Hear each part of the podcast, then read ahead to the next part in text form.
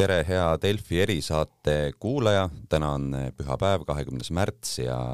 erisaate stuudio on üle võtnud Eesti Ekspressi ajakirjanikud Grete Lehepuu, Joosep Tiks ja saatejuht Indrek Lepik. Ja mõtlesime, et kuna sõja algusest on varsti möödunud kuu aega, neljas nädal on, on käimas, siis arutame natuke selliseid suuremaid teemasid selle sõja ümber ja üks on mõistagi nii-öelda suured äh, narratiivid, kes on võitmas, kes on kaotamas, äh, mis tagajärgi see kaasa toob, aga äh, täna hommikul erinevalt teist, kellele ma ei öelnud, et ma hakkan seda lugema, lugesin läbi Nova Gazeta intervjuu Marina Ovsjannikovaga, kes on siis see naine, kes seal Äh, uudisteetris äh, plakatiga äh, vehkis ja mis on tekitanud suuri arutelusid, et kas on FSB erioperatsioon või mitte ja, ja kui siiras see tegu oli, siis ma pean küll tunnistama, et pärast seda intervjuu lugemist ma lõin jälle nagu kahtlema, et ma enne arvasin, et ma saan sellest üsna hästi aru, et et jutud erioperatsioonist kõlavad kuidagi natukene liiga mm, noh, kui on üks asi, mida Venemaa on näidanud selle sõja jooksul, siis on see, et ega väga hästi läbimõeldud need asjad ei ole, et et selle juures mulle tundus ka see, et, et see tundub natukene liiga uljas eh, selline plaan, aga, aga nüüd mulle ikkagi tundub, et üks selline kasulik idioot on enda kasuks tööle pandud või ma ei tea, Grete, kuidas sa, me oleme sellest nädala jooksul rääkinud ka, aga mida, mida nagu sina tänaseks arvad sellest? tere kuulajatele mm,! ma ütleks, et ähm, ma, ma olin, mina olen nagu selles leeris, kelle süda ikka hõiskas suurelt, kui, kui esimest videot nägime, et tõesti keegi on sinna otse-eetrisse läinud. ja et noh, muidugi eh, me pole, pole nagu loota, et kohe miljonid inimesed sellesama plakati peale mõtlevad, ohoo, võib-olla tõesti propagandat ei tasuks uskuda, aga ikkagi märk nagu mingisugusest vastupanust vähemasti, onju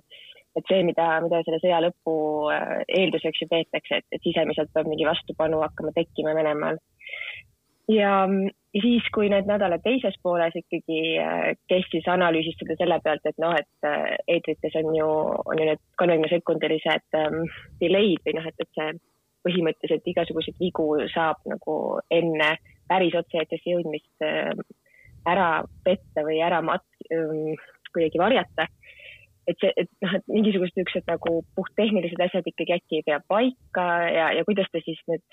on aastaid töötanud seal äh, telekanalis, ise aastaid seda propagandat teinud ja kust ta siis nüüd järsku, mis see siis see viimane piir oli, et kas siis laste pommitamine tõesti või? et noh äh,, nagu nõutuks tegi kogu see asi. Mina tõesti ei ole seda suurepärast lugu lugenud, mida sa ei öelnud meile, et võiks lugeda ähm,. ma ei jah, noh, mitte midagi ei saa uskuda enam, on ju, sellel hetkel, praegusel hetkel ja see vist on ka nagu üks, üks iseloomulik ähm,,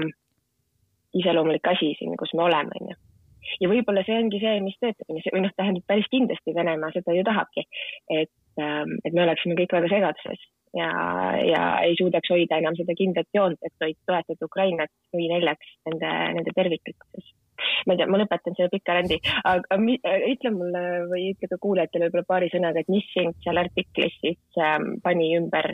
veenma või kahtlema, et niisugune kasulik idioot on? Üks, üks asi, mida tegelikult siin ju teisedki vaatlejad tõid välja, on see, et kuivõrd rahulikult oma selles esimeses äh, kohtuasjas, mis puudutas ju neid äh, samu sotsiaalmeedia sõnumeid, mitte siis seal eetris käimist, et kui rahulikult ta seda -hmm. kõike võtab ja kuidas ta noh, naeratab ja on selline, et, et, et ei tundu just inimene, keda ähvardab, eks ole, viieteistaastane vanglakaristus ja keda oleks neliteist tundi üle kuulatud jah, et, et ja mõnes mõttes seal intervjuus üksnes nagu süvenes see, et ta tegelikult väga hästi ei teadnud neid paragrahve, mis teda puudutavad ja, ja siis noh, ühesõnaga seal tekkis mul see kahtlus, et ma ei saanud enam aru, kas ta on liht, nagu lihtsameelne või on ta siis tõesti tegelikult, eks ole, agent ja tal ongi mõnes mõttes suva, kuna ta teab, et tal ei ole tagajärgi, et et, et ta küll vastas seal sellele küsimusele, et, et noh, et see ei saanud ju mingi esimene piisake selles karikas olla, et, et mis siis nüüd juhtus, et miks te nüüd siis ära tulite, et olete seda saadet toimetanud aastaid ja ja siis ta ütleski, noh, aga eh, nagu läänes öeldakse, siis work-life balance oli mul eh, paigas ja, ja selles mõttes, et, et mul lihtsalt nagu Aha. hea elu ja nagu noh, see oli ikkagi niisugune mõnus äraolemine ja mul on ikkagi lapsed ka ja, ja noh, et ühesõnaga mm. see oli see koht, kus mina jällegi mõtlesin, et tegu on nagu natuke lihtsameelse inimesega. kas ma võin siia ühe kihi lisada mm. veel juurde, see, et äh, me oleme arutanud Ovsjannikuvat viis minutit nüüd see asemel, et sõda -hmm. Ukrainas aru, arutada, et võib-olla see on erioperatsioon. See, et me, me, me lihtsalt arutame mingisuguse mõttetu asja üle, kas ta on spioon või mitte, lõppkokkuvõttes ju ei ole vahet, midagi ei ole muutunud sellest. et noh, seal on kindlasti on ju küsitavaid kohti, miks ta tegi Twitteri account'i endale üheksandal märtsis, märtsil on ju, miks ta nii rahulik oli, miks ta suurt karistust ei saanud? Ja nii edasi, edasi aga mis vahet seal on, mis see FSB sellest erioperatsioonist võidab, et mul küsiti eile sugulase juubelil, käisin vanatädi tütre juubelil ja seal küsisid ka inimesed mu käest, et oli ta siis spioon või mitte. ma ei tea ja mul ei ole vahet tegelikult ausalt öeldes, minu arust palju olulisem on see, mis toimub praegu Ukrainas.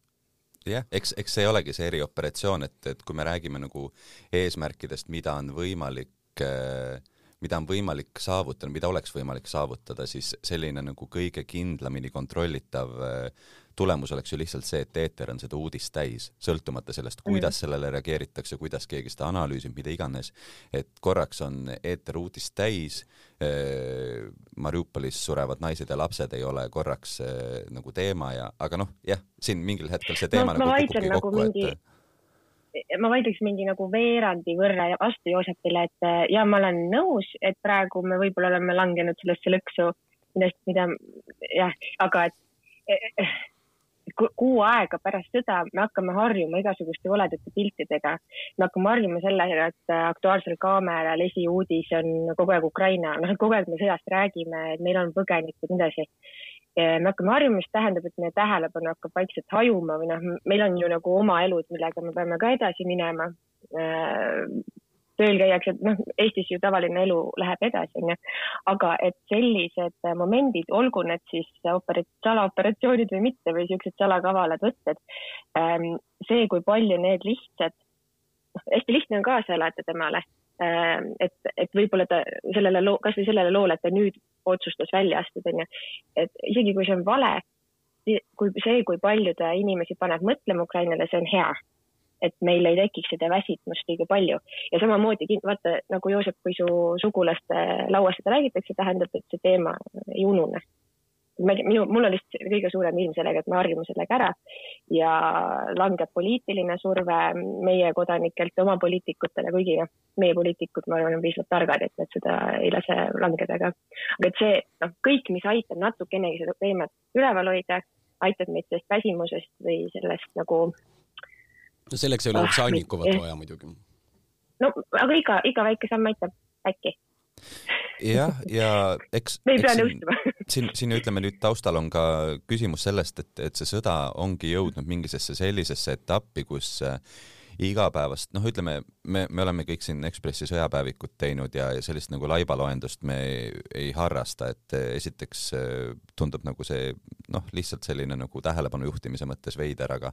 aga teisalt ka see, et ega me ju täpselt ei tea neid andmeid, et me teame seda, mida räägib Ukraina pool, mida räägib Vene pool, Vene pool õieti ju ei räägigi et, et, et seda me ei ole nagu saanud teha ja, ja mõnes mõttes ka enam nagu ei pea tegema, sellepärast et need eh, lahingutegevused on nagu siuksed väga juba nagu eh, spetsiifilised, et, et me ei, me ei näe sellist nagu suurt jooksu Kiievi peale või mingeid muid selliseid asju, pigem näeme vastu pealetunge, et et, et, et see sõda on jah, et, et mõnes mõttes see sõda, nii-öelda sõjavägi sõjaväe vastu ongi jäänud nagu natukene taustale, see on see osa, millega me oleme ära harjunud. Ja siin ongi nagu kõrvale tulnud neid uusi lugusid juurde, eks ole, et noh, muidugi on Mariupoli humanitaarkatastroof, aga samamoodi ikkagi põgenikud on vähemasti siin läänes aina nagu suurem lugu, et eh, Martin Herem kirjutas siin mõni päev tagasi eh, selle, et, et kui me oleme rääkinud pidevalt hübriidsõjast ja nüüd näeme Ukrainas konventsionaalset sõda, et siis ärme unusta ära, et et hübriidsõda käib nüüd Eestis. et, et, et kaitsevägi siis ma saan aru, on ikkagi täheldanud otseselt, kuidas äh, sellist põgenikevastast äh, retoorikat, kõiki neid võtteid, neid ühesuguseid äh, sõnumeid sotsiaalmeedias nende samade noh, ma võtaks ühisnimetaja kloorijoojate alla, kes on nagu kõigi nende teiste vandenõuteooriatega kaasa läinud, et äh, et, et selles mõttes me nüüd näeme ju tegelikult neid nagu niisuguseid uusi narratiive, mis on ka väga olulised selle sõja osad, aga mis ei ole üksnes nagu see lahingutegevus, vaid see sõda lähebki nagu ka sellises nagu meediaoperatsiooni mõttes suuremaks, et ikkagi mõlemad pooled on nagu oma nagu mingid kaevikud sisse kaevanud. Et see on kogu aeg olnud. me võtame, noh, võtame alates sellest e-, eelmisest pagulaskriisist, mis Süüriast tuli, ma arvan, et Vene, Vene teenistused kütsid mõnusasti sedasama, et, et äh, inimene, kes vaidleb millegi üle, mille üle ta tunneb suurt emotsionaalset, on ju, seostatust, olgu see siis seesama mask või olgu see see põgenik või olgu need mingisugused mis muud teemad, energiakriis näiteks, mis siit läbi käis, ma arvan, et väga mõnusasti saab ühe lollikese poh-, kuhugi istutada mingisse foorumisse, kes hakkab kütma sedasama narratiivi. Vaata, kuidas need on üksteise jala järjes käinud. Seesama biolaborite teema, noh, see jätk lihtsalt kogu selle Covidi lolluse teemale, mis inimesed kütsid välja, on ju, kuskil on mingid laborid ja mask on halb ja kiibid pannakse meil ja nii edasi, et seda rumalat inimest on ähm, kultiveeritud, ma arvan, juba aastakümme, kui mitte rohkem ja, ja see on selline tore sleeper agent, keda üles äratada, on ju, jälle mingisuguse hullumeelse teemaga. et see järgmine aste siit hübriidsõjast, kus me hakkame omavahel vaidlema, et kas ikka noh, umbes nagu need EKRE ja Isamaa signaalid juba on, et kas meil ikkagi enda inimese arvelt on nii palju ukrainlasi võimalik võtta ja nii edasi, edasi. teema muutub hägusaks, tekib vaidlus ja mhm. suurepärane, Venemaa on suutnud luua lõheühiskonda. see on ju nende suur eelis, et lääne ühiskond ei suuda demokraatias kuidagi võib-olla viisakaks või ühtseks jääda, vaid hakkab teineteist lahti kiskuma ja selle peale Venemaa mängib välja ja kallis äh, kuulaja, nüüd on aeg hästi sügavalt endasse vaadata ja mõelda, et äh, mõelda tagasi võib-olla kaks aastat tagasi, kuidas me vaimselt panime ennast valmis selleks pandeemiaks ja mõelda läbi kõik need pettumused, kui need uued lockdown'id tulid. Äh, see kõik läheb edasi. nagu elu ei lähe praegu lihtsamaks. et kui homne päev kirjutatakse alla vaherahu, nii nagu me sooviksime, et Ukraina võidaks, noh, nii palju, kui neil praegu võita on oma pommitatud maa pealt, äh, siis täpselt need pagulaste teemad jäävad, Ukraina ülesehitamine jääb, ühesõnaga maailm tõesti on segane, läheb ainult segasemaks, me peame ennast panema vaimselt valmis, et sellega tegeleda. füüsiliselt me oleme juba aidanud, me oleme viinud mähkmeid, me oleme annetanud Punasele Ristile, aga nüüd tuleb mõelda, et kuidas ma jaksan vastu panna noh, sellele tegelikult sellele rusuvale infole, mis tuleb ja ka lollakatele poliitikutele, kes püüavad nagu mingis vanas skeemis oma punkte võtta. et äh, küll väikse tähega Helir-Valdor Seederit, kes äh, hakkavad ikkagi täpselt sedasama, mis Joosep välja tõi, seda narratiivi ajama, et ma ei tea, me peaks ikka mingisuguse numbri kokku mõtlema või välja mõtlema, et see on täpselt see, et äh, me ei tohi lasta tähelepanu juhtida kõrvale, kõige olulisemalt, me peame neid inimesi aitama, nad tuleksid meile igal juhul me ei hakka ehitama tara, on ju, oma piiri peale, see on noh, ebainimlik, no miks ma üldse pean nagu selgitama niisugust asja. Äh, et jah, see tulevik või saab olema raske, me peame ennast selleks valmis panema. ma lisaks ühe asja juurde, et noh, üks asi on positiivne, seda on terve Ida-Euroopa peale näha, on see, et äh, ühiskond on suhteliselt mobiliseerunud Putini vastu ja mm -hmm. kõik asjad, mis meil tähelepanu sellest kõrvale viivad, on tõenäoliselt kasulikud, on ju, teisele poole, idanaabrile. ja kui me hakkame siin tõesti lämisema selle üle, et, et kas ikka kümme tuhat, kakskümmend tuhat, sada tuhat, noh, palju neid äh, sõjapõgenikke meil tulla võiks, no mis see alternatiiv on, saadame Mariupolisse tagasi nad või? et mm -hmm. noh, praeguses situatsioonis mul on tunne, et mida nõrgem on Venemaa ja mida selgem on meil see, et, et nad üritavad igatipidi Ukrainat pahalaseks teha ja meid lõhestada seda kergem on meil noh, kuidagi ennast kokku võtta ja võib-olla ühtmoodi asjadest aru saada. Jah, ma olen võib-olla naiivne, aga meil on ka siin noored ajakirjanikud ikkagi stuudios lõppkokkuvõttes ja kui üldse võib, siis, siis võib praegu naiivne olla, aga, aga selles mõttes on ju hästi oluline mõju võib-olla eelkõige Euroopale, Ameerikale vähem, aga eelkõige Euroopale olnud selle sõja puhul see, et et äh, ma ei tea, ma ikkagi selline nagu väärtuste esiletõus nagu pragmatismi ees, et, et, et selles mõttes nagu äh, kuidagi nagu muuta, noh, kui me räägime sellest poliitilisest punkti noppimisest, eks ole, et, et, et siis nagu poliittehnoloogiliselt ongi väga tark mingeid siukseid probleeme tekitada, eh, ennast, eks ole, tsementeerida ühe selle nagu vaidluspoolena ja olla kogu aeg sellega pildis ja nii edasi. aga, aga ma arvan, et mingil määral see sõda on ikkagi meile kätte näidanud, et meil ei ole nagu nii palju äh, meie turvatunne ei ole nii suur et me saame lihtsalt nagu mängida selle kõigega või et me, me saame olla nii küünilised, et mõnes mõttes nagu see on minu jaoks nagu sellise natukene nagu idealismi ajastu poliitikasse praegu tagasi toonud, et tegelikult kui me vaatame ka nagu lääne sõnumeid ja kogu seda äh, diskussiooni selle sõja ümber, siis see on tegelikult väga idealistlik. Ja, ja ma arvan, et see on ka nagu õige, et, et me räägimegi sellest, et Ukraina kaitseb, eks ole, et ka Euroopa vabadusi, me räägime sellest, kuidas okei, võib-olla mina olen siin toimetuse peal rohkem sellest rääkinud, aga aga ajakirjanduses on sellest kindlasti juttu olnud, et, et lõppkokkuvõttes kui me räägime pikast plaanist, siis Venemaa puhul ei aita ju tegelikult praeguseks hetkeks mitte miski muu kui see, mis tehti Saksamaaga pärast neljakümne viiendat aastat. ma saan aru, et see on nagu utoopia praeguses hetkes, aga lihtsalt noh, selleks peaks NATO sekkuma sõtta. jah, aga, aga selles mõttes, et kui Putin on rääkinud denatsifitseerimisest, siis täiesti mitteirooniliselt ma ütlen, et tegelikult Venemaa ju vajab praegu denatsifitseerimist, et selles mõttes seal on nagu võimul eh, režiim, mis on erakordselt ohtlik oma naabritele ja, ja noh, see peaks ikkagi tegelikult sellistest eh, rahvaste kogukonnast ühe nagu, ühe nagu liidri ikkagi täielikult diskvalifitseerima. no ma arvan, realistlik on see, et järgmise, noh, ütleme, sõda saab läbi kümme aastat hiljem, mis on lääne poliitikas muutunud, nii nagu külma sõja ajal, ajal äh, ei ole enam sellist äh, tõenäoliselt suurt lõhenemist, väga palju valitakse tsentrisse, väga palju on sellist äh, poliitilist konsensust, et mingid asjad on, milles me kõik oleme ühel nõul, sellepärast et need ühiskonnad peavad ennast kaitsma, on ju, kui Putin jääb alles. ja, ja teine asi on see, et ega no vaata seda Hiinat näiteks seal kõrval, ma arvan, et maailm pola-, polariseerubki, meil on väike Hiina vasallriik Venemaa tekkinud, mis on maailmast ära isoleeritud ja, ja me jääme kogu aeg elama keskkonnas, kus meil on kõrval äh, igapäevane oht põhimõtteliselt olemas, mis on Venemaa. jah, kusjuures keegi äh, Twitteris tõi selle välja, see ei ole minu originaalne mõte, aga minu meelest see oli päris tabav, et eks, eks praegune Venemaa ongi mõnes mõttes nagu selline Mussolini fašistlik Itaalia Hitleri Natsi-Saksamaa kõhu all, et, et tegelikult kui me vaatame seda suurt pilti, siis Eh, kindlasti demokraatlikule maailmale on väga suur probleem see, et ka Hiina on valinud viimase kümne aasta jooksul sellise teekonna, nagu ta on valinud.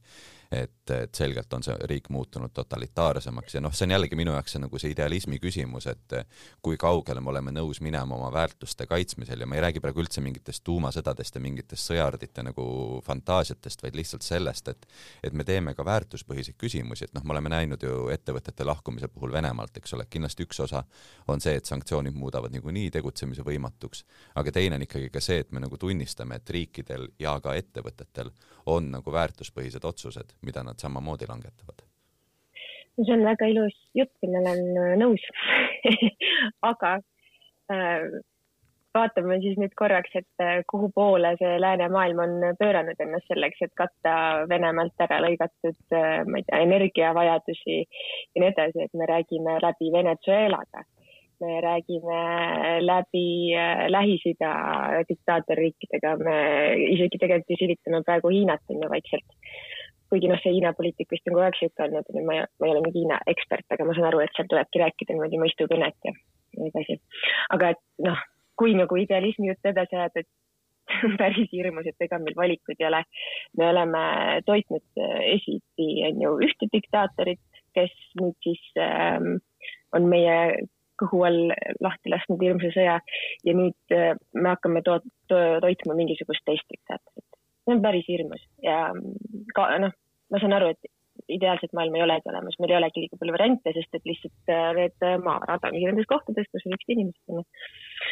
aga, aga jah, see polariseeritud maailm, kuhu me siseneme, vist, vist tõesti jah,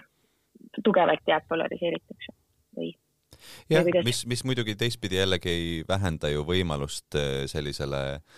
ähm, arengule ja küllusele, et kui me võtame Lääne-Euroopa külma sõja ajal, siis eh, noh, tegelikult ühiskondades, majandustes oli ju metsik areng ja elu liikus edasi, et eh, et ma ei ole kindlasti, ma ei püüa nagu romantiseerida seda deglobaliseerumist, sest et eh, lõppkokkuvõttes kõik see rahvusvaheline koostöö on mingil määral hoidnud ära konflikte ja kindlasti muutunud, muutnud paljusid asju efektiivsemaks, aga noh, me teistpidi näeme ka, eks ole, mingeid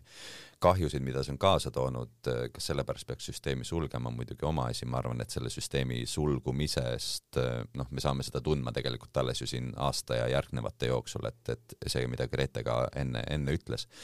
aga kui võib-olla püüda nagu vaikselt hakata joont alla tõmbama, et siis viimase sellise nagu suurema plokina ma olen väga palju, noh, rääkides jällegi narratiividest, et ma olen väga palju mõelnud selle peale, et selles sõjas võib tulla mingeid muutusi väga järsku, sest et me oleme praegu olukorras, kus me tegelikult ju Venemaa sisse ei näe et äh, ma siin kirjutan järgmiseks nädalakski ühte Venemaa lugu, rohkem võib-olla ei hakkagi praegu välja äh, reklaamima täpset fookust, aga noh, seal on nagu see samasugune küsimus, et majandusnäitajaid tegelikult, et mida sa saad vaadata, mida sa saad usaldada, niikuinii mingid asjad tulevad äh, viitega, aga noh, et kuidas sa sõjaeelset olukorda ekstrapoleerid nagu sõja järgi, et, et kui, kui sügav see mõju tegelikult on, et, et, et me ju teame, et isegi lääne meediaväljaanded, ütleme siuksed head majandusväljaanded nagu Bloomberg ei saa ju enam Venemaa sees nagu tööd teha, et et, et kui, kui, ähm, kui tumedaks te seda musta kasti hindate, mis on Venemaa, et, et kui, kui palju me saame üldse aru sellest, mida me Venemaalt näeme? me pole seni isegi aru saanud ju. kõik arvasid, et sõda ei tule, et Putin käitub ratsionaalselt. Eesti Ekspress kirjutas juba novembris no jah, tagasi tulles siia, et eks ole, kolmkümmend pluss-miinus aastat vanad inimesed äh, räägivad Venemaa mõistmisest ja pikast poliitikast, aga, aga mina usuksin siin ja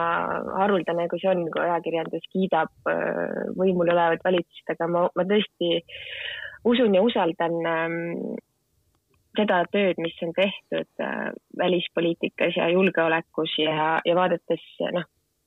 et kui tõesti nagu midagi nagu positiivset leida ja midagi nagu sellist toetavat äh, või, või ähm, rahustavat, siis mõtleme tagasi kõigi nende laigulistele inimestele, keda me eetris oleme näinud ja kuulnud ja Kaitseministeeriumi ametnikele ja, ja ka peaministrile. Ähm, et, äh, et kuivõrd arukad inimesed, kuivõrd targad inimesed ja tegelikult nemad ongi need, kes on Venemaad mõistnud on nüüd ka juba lääne väljaanded kirjutanud lugusid pealkirjaga, aga me ju ütlesime kus siis on öeldud, et kuidas siis Balti riigid ja Poola pidevalt äh, läänes käivad, räägivad Venemaad, tuleb, tuleb tõsiselt võtta ja sealt, sealt see pauk ükskord tuleb, ongi tulnud, nii et me ei peaks mitte nina püsti selle peale ajama. aga, aga ma tahaks loota, et, et meid nüüd kuulatakse rohkem ja ma olen üsna kindel, et me endiselt teeme seda valju häält, onju et see, me võib-olla ei, me ei näe kõike, mis toimub, ajakirjanikele ka detailselt kõigest ei räägita, meil kipub olema tendents need asjad ära trükkida mis meile räägitakse. Ehm, aga et, et noh, kindlasti seal nagu liinide taga, noh, eeloleval nädalal on ju väga oluline NATO tippkohtumine tulemas, et, et see diplomaatiline töö on väga-väga vilgas seal taga ja, ja et, et kui keegi Venemaad seda musta kasti natuke oskab valgustada, siis Eesti poliitikutesse, ametnikesse ma küll usuksin no,. mina seda mul oli, mul oli intervjuu enne, napilt enne sõda välisministriga. siis Venemaa ju loopis neid ähvardusi igal pool, aga kõik mõtlesid, et lähme käime, räägime läbi. välisminister mm. Liimets ütles, et jaa, aga Venemaaga ongi vaja kannatlikkust. läbirääkimised ju töötavad ma, ma, ma ei usu, ma ei usu sellesse no,. Väga... Liimetsa poliitika ei ole valdav Eestis. Liimetsa poliitika ei ole valdav. Liimets esindas ma, valitsust. ma, ma arvan, et Kaja Kallas oleks täpselt mm -hmm. sama öelnud. ma arvan, et Välisministeerium oleks täpselt sama öelnud aga vaata, huvitav on küll olnud, et ja ilmselt mida ka Grete oma jutuga ka suuresti mõtles, on see, et või mitte suuresti mõtles, aga vähemasti viitas sellele, et, et kui me vaatame ka Välisministeeriumi ja Kaitseministeeriumi kantslereid, et siis ma ütleks küll, et praeguses kriisis kaitsepoliitikat esindab Kusti Salm ja välispoliitikat esindab Kaja Kallase kõrval Jonatav Vseviov, et, et selles mõttes Kalle Laanet mm -hmm. ja, ja Eva-Maria Liimets ongi tegelikult ju pildist suuresti väljas, olgu see siis selle tõttu, et nad ei küündi selleni või olgu see siis selle tõttu, et, et nii Kusti Salm kui Vseviov on, on tegelikult nagu sügavalt nendes nagu struktuurides sees ja ilmselt Just. nagu sada korda tõhusamad. ma, ma, ma tahaksin tuua välja võib-olla nagu sellise mm, lakmuspaberi, paberina selle no, sama no-fly zone'i, kuidas käib otsustamine, kuidas käib situatsiooni mõistmine. ma arvan, et inimesed, keda me peame tohututelt spetsial-, spetsialistideks, ekspertideks erinevad sõjaardid nii-öelda, on ju, kindralid ja pagunitega mehed, ma usun küll, et nad ütleksid, et no-fly zone on täiesti teostatav. et seal ei ole mingit probleemi. aga miks seda ei ole tehtud? sellepärast, et see on poliitiline otsus. poliitiline otsus, sest igal pool, kus sa ka lähed ja räägid mõne, ütleme, laigulisega, siis lõppkokkuvõttes ta ütleb sulle vastuseks, et mm -hmm. me ei saa seda kehtestada, sest siis me ründaksime Vene lennukit, mis ei ole mingi sõjaline vastus, mis on poliitiline vastus. ja, ja täpselt sellel põhjusel ma, ma, ma isegi ei tea, kas sellest tuleks nii suur katastroof või mitte, no mida see Venemaa selle, selle no-fly zone'i tulemusena teeks, on ju äh,, peljatakse. ja ma, ma arvan, et senimaani käib selline teatav ähm,